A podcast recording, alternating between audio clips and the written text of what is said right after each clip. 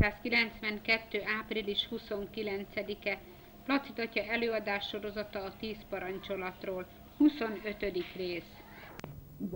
Idei katekézisünk eddigi előadásaiban a Teremtő Isten által már az Ószövetségben kinyilatkoztatott törvényt, a tíz parancsolatot, és a Jézus Krisztus által meghirdetett legfőbb parancsot, a szeretet kettős parancsát állítottuk magunk elé.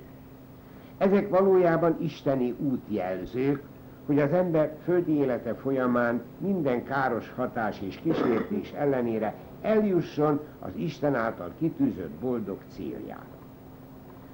Az embernek azonban értelme és szabad akarata van. Értelmi képességével megismeri, vagy nem ismeri meg az isteni törvényt. Szabad akaratával pedig vagy teljesíti a megismert törvényt, vagy szembeszáll bele. Maga az isteni törvény, tehát önmagában nem biztosít semmit. Önmagában nem üdvözíti az embert.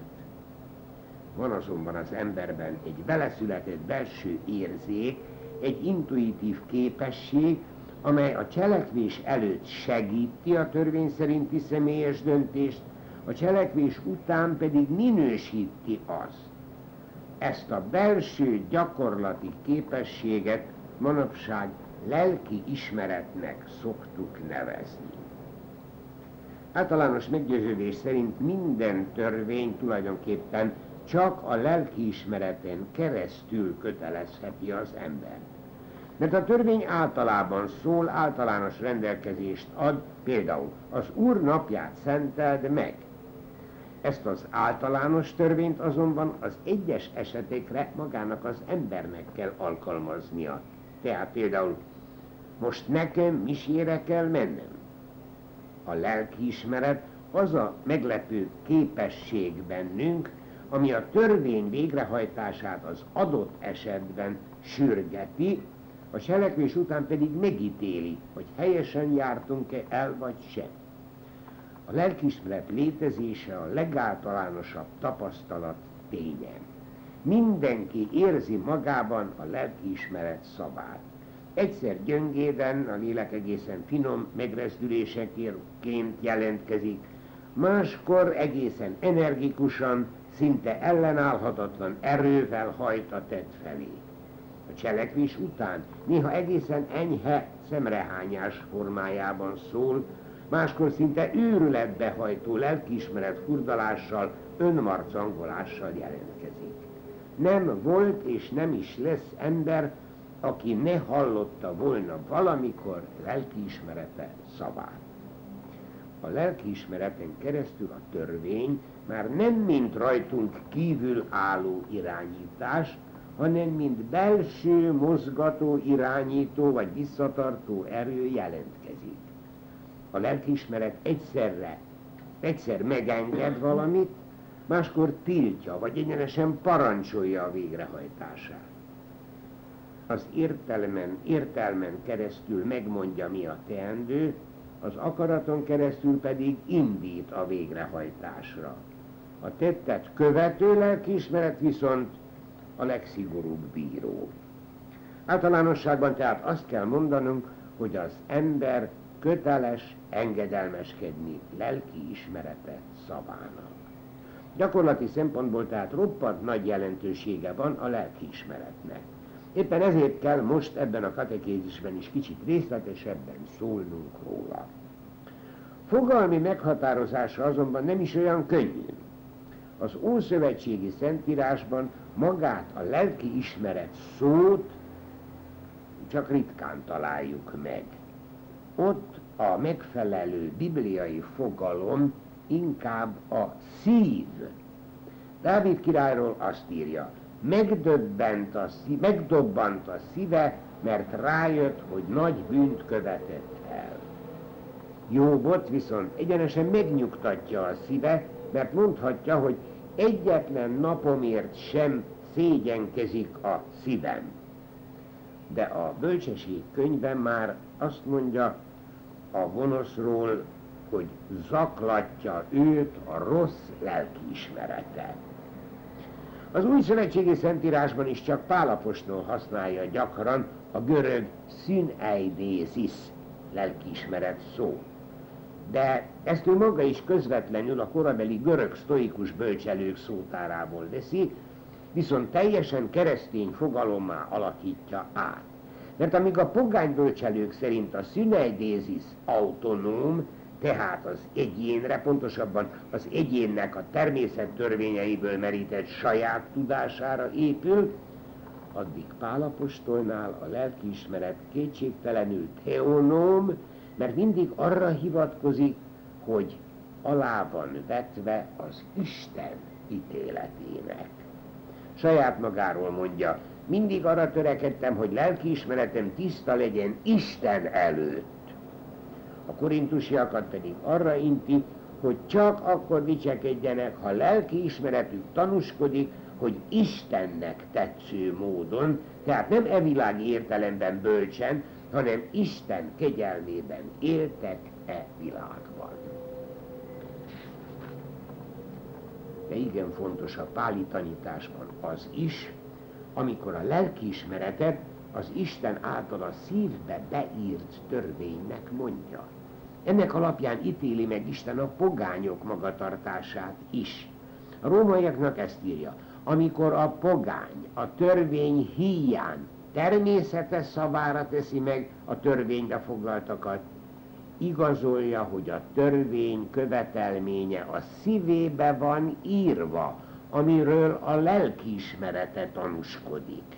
És ez az önítélete hol vádolja, hol pedig fölmenti. Ezek Pálapostól szavai. Végső soron tehát Isten még mielőtt kinyilatkoztatta volna törvényeit, az ember szívébe írta bele akaratát. A második vatikáni zsinat is Szent Pál hűséges tanítványának bizonyul, amikor így ír a lelkiismeretről. Az ember tudata mélyén olyan törvényekkel találkozik, amelyeket nem ő szabott meg önmagának, de amely mégis engedelmességet kíván tőle. A lelkiismeretnek ez a szava mindig arra szólítja fel, hogy szeresse és cselekedje a jót, és kerülje a rosszat. Amikor csak szükséges, fölhangzik szíve mélyén, tedd ezt, vagy óvakodjál attól. Mert ez olyan törvény, amelyet Isten írt bele az ember szívébe, és önkéntelenül úgy érzi, hogy csak ezzel érheti el igazi emberi méltóságát, ha igazodik hozzá. A lelkiismeret az emberi egyéniség legbensőbb magja, szinte templom, ahol egyedül van az Istennel, akinek szíve, szava vízhangzik lelke legmélyén.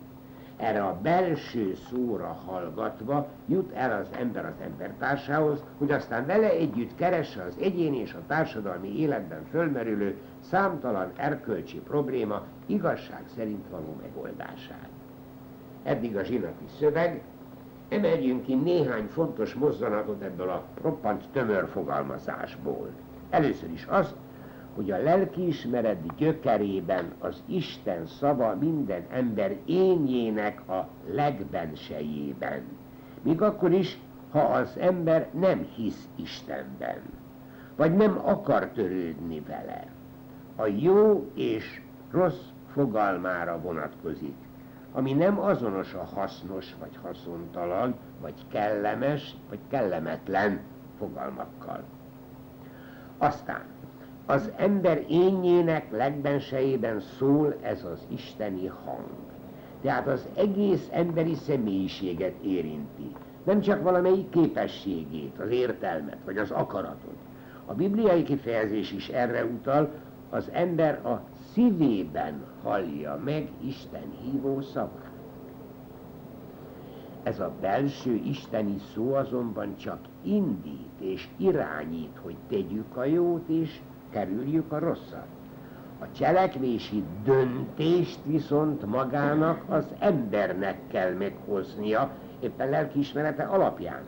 Tehát vagy lelkiismeretesen, vagy lelkiismeretlenül és nagyon fontos mozzanat, hogy az ember úgy talál rá tudata mélyén, a lelkiismeret hangjára, rábukkan, mert az szinte függetlenül tőle vele született.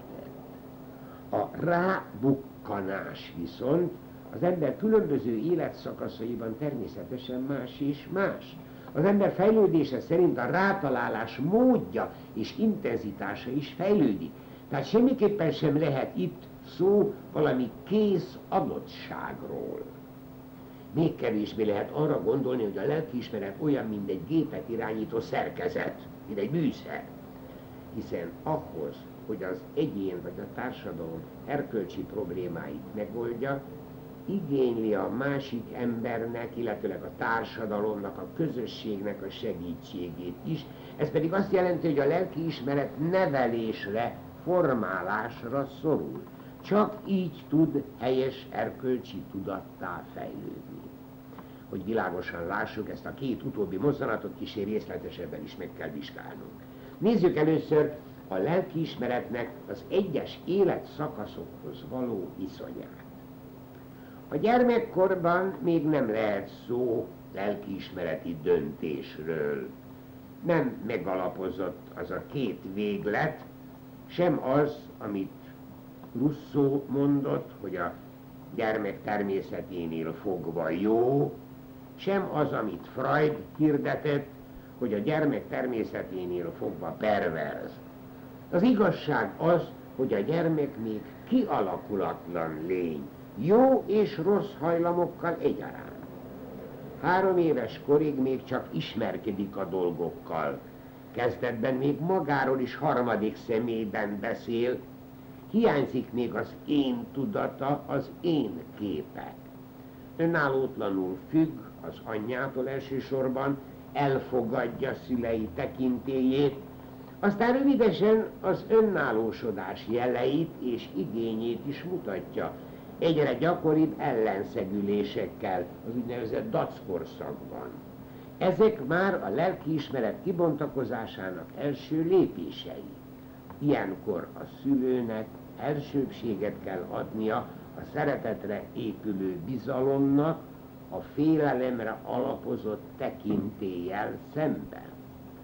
A gyermek első önálló lépéseit segíteni kell, de nem csupán, nem csupán a fizikai lépéseket, hanem a lelki, tehát a lelkiismereti fejlődés vonalán is ezeket az első lépéseket. Az ifjúkor ezzel szemben már a világos lelkiismereti döntések megalapozója. Az iskolai évektől a szülői tekintély mellett az iskola már a társadalmi tekintélyt is képviseli. A valláserkölcsi nevelés is az Isten és az egyház tekintélyét is hozzáadja, hogy a szokás erkölcsből saját lelkiismeret fejlődjék. Ilyenkor, 12-13 éves korban jelentkezik a kritika és a komoly lázadás. A serdülő észreveszi a szülői tekintély gyengéit, átéli az ideál és a realitás ütközésének konfliktusait. Az egészséges ifjúkori lelkiismeretben fogékonyság él az ideálok iránt, akit mesternek elfogadott, azt képes mindenképpen követni. Nagyon fontos tehát, hogy milyen megvilágításban kerülnek eléje ezek az ideálok. Még Lucifer is lehet például reálisan a köteles szolgálat megtagadója, de lehet veszedelmesen a lázadás hőse is. Kétségtelen, hogy ilyenkor a legnagyobb kísértés a teljes önállóságra, a lelkiismeret autonómiájára, öntörvényességére való törekvés. Mindentől, még Istentől való elszakadás árán is. A fölnőttkor lelkiismereti kérdései már egészen mások. A hivatás és a házasság életkeretei a felelősség új területeit nyitják meg, ami a lelkiismeretet is alapjában érinti. Ilyenkor már nem annyira a személynek, hanem a személyi kapcsolatoknak kibontakozása a fő kérdés. A keserűen tapasztalt realitások a pénzkereset motivációját emelhetik a hivatás motivációja fölé. Itt mutatkozik meg, hogy a lelkiismeret visszamaradt vagy deformálódott-e a konvencionális erkölcs állapotába, vagy pedig nagykorúvá fejlődött-e. Az önálló döntésre képtelen, infantilis lelkiismeretű fölnőtt jogilag ugyan nagykorú, de erkölcsileg nem az. Mert gyakran a kellemeset azonosítja az erkölcsi jóval, a kellemetlent a rosszal, már pedig csecsemő topánkákkal nem lehet fölnőtt korban járni. Fokozott lelkiismereti problémát jelentkeznek a vezető pozícióban lévő felnőtteknél. Nem csak az uralkodni vagy szolgálni kérdése merül fel, és nem csak arról van szó, hogy élni vagy élni egy ügyért, vagy pedig megélni belőle, hanem sokkal inkább arról, hogy akik embereket irányítanak, pláne ha magát a gondolkodásmódot irányítják, mint a tömegkommunikáció emberei, egyúttal mások lelkiismeretére is hatással vannak. És nem mindegy, hogy milyen irányban. Ebben a tekintetben a szolgálni ellentét párítja a kiszolgálni. Például az alacsony ízlést és a szenvedélyeket nagy kísértés, a tekintélyi pozícióval való visszaélés is, ez azonban etikai infantilizmus, veszedelmes fejletlenséget mert feljelent, mert hiányzik belőle a mások iránti tisztelet. Hát ez a, a vezető pozícióval való visszaélésre vonatkozik. Az időskor állapotára megint más a jellemző amíg a gyermek a jelenben él, a fiatal pedig inkább a jövő felé fordul, addig az idős ember a múltra tekint. Itt a lelkiismeret pszichikai jellemzője a félelem és az aggodalom. Részben azért, mert nem tud már olyan hasznos tagja lenni a családnak, mint szeretne, részben pedig, mert a múlt bűnei, hibái jobban foglalkoztatják, mint eddig. Ilyenkor nagy a kísértés arra, hogy saját fiatalkori védkeit másokban keményen elítéljék, amire persze a fiatalok csípős válasza az, hogy nem ő hagyta el a bűnt, hanem a bűn hagyta el őt. Mindenre azért hívtam fel a figyelmet, hogy lássuk, a lelkiismeret szükségképpen alakul az életkorok szerint is de még ennél is fontosabb tudni azt, hogy a környezet, a társadalom, a nevelés, maga az egyén is alakíthatja is a lelkiismeretet, sőt, alakítania is kell. Nevelés, elmélyítés, pontosítás nélkül nem fejlődik ki a helyes lelkiismereti nagykorúság. Manapság ennek a tudatos alakításnak különös jelentősége van, hiszen a világ jelenlegi pluralizmusában rengeteg különféle hatás éri a lelkiismeretet is. Viszont a cselekvési helyzetek is bonyolultabbak és kiszámíthatatlanabbak, tehát a lelkiismereti döntésben nagyobb önállóságot igényelnek.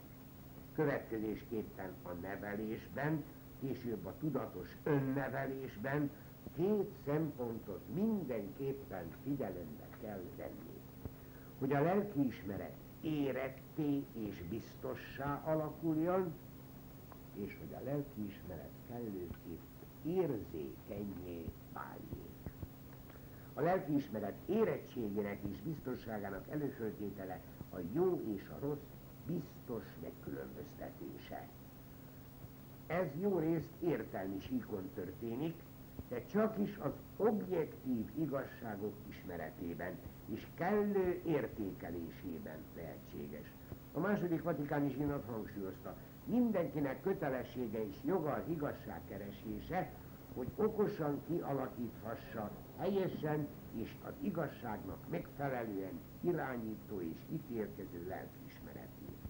Már fiatal korban is szükséges, hogy tisztában jöjjünk a megbízható tárgyi igazságokkal és az objektív kötelezettségekkel. De ezek becsületes kutatása, elmélyítése, pontosítása fölnőtt korban sem maradhat el. Nagy segítséget jelentenek itt a hit igazságai, amelyek kétségtelenül a legátfogóbbak és a legtárgyilagosabbak, hiszen megfelelnek a Teremtő Isten törvényeinek. Éppen ezért a tudatos Krisztusi hitben integrált lelkiismeret sokkal könnyebben válik éretté és biztossá. Az igazi hívő ember lelkiismerete szinte reflexzerűen segíti elő az egyes helyzetekben a helyes lelkiismereti döntést. Ez történelmileg is megdönthetetlen igazság, a hívő ember mindig biztosabb lelkiismeretében, mint a hitetlen. De a helyes és biztos döntési képesség mellett a lelkiismeretnek szüksége van érzékenységre is. Hiszen a lelkiismeret a bensőben, ha nem is egy állandó ö, műszerként, mégis egy iránti vagy egy halalkészülék funkcióját látja el. A második vatikáni zsinat így figyelmeztet erre. Ha az ember keveset törődik az igaznak és a jónak keresésével, akkor lelkiismerete megszokja a bűnt, és lassanként szinte süketté lesz tőle az Isten hívására. Igen, míg a biztos lelkiismeret is eltompulhat. Sőt, szándékosan lehet gyöngíteni érzékenységét, meg is lehet alkudni vele, sőt, el is lehet hallgattatni, ez a veszély is fönt áll. Persze igazi lelkiismeretről csak akkor beszélhetünk, ha a döntés előtt érzékenyen és határozottan jelez, a cselekedet után pedig intenzíven értékel, boldoggá tesz, vagy lelkiismeret furdalást okoz. A lelkiismeret érzékenységének nevelésében bennünket Krisztus hívőket nagyon segít az imádság. Az Istennel való imádságos párbeszédben az imádkozó ember könnyebben érzi magát Isten előtt, és sokkal könnyebben érez rá a helyes döntés irányára de ugyanígy jelentős segítséget nyújt a lelkiismeret vizsgálás gyakorlata is. Rendszeres önellenőrző reflexió nélkül nem is igen fejlődheti ki érzékeny lelkiismeret. És igen sokat jelent e téren az őszinte tanácskérés, tapasztalt lelkivezetővel való beszélgetés, ami közvetlenül elősegíti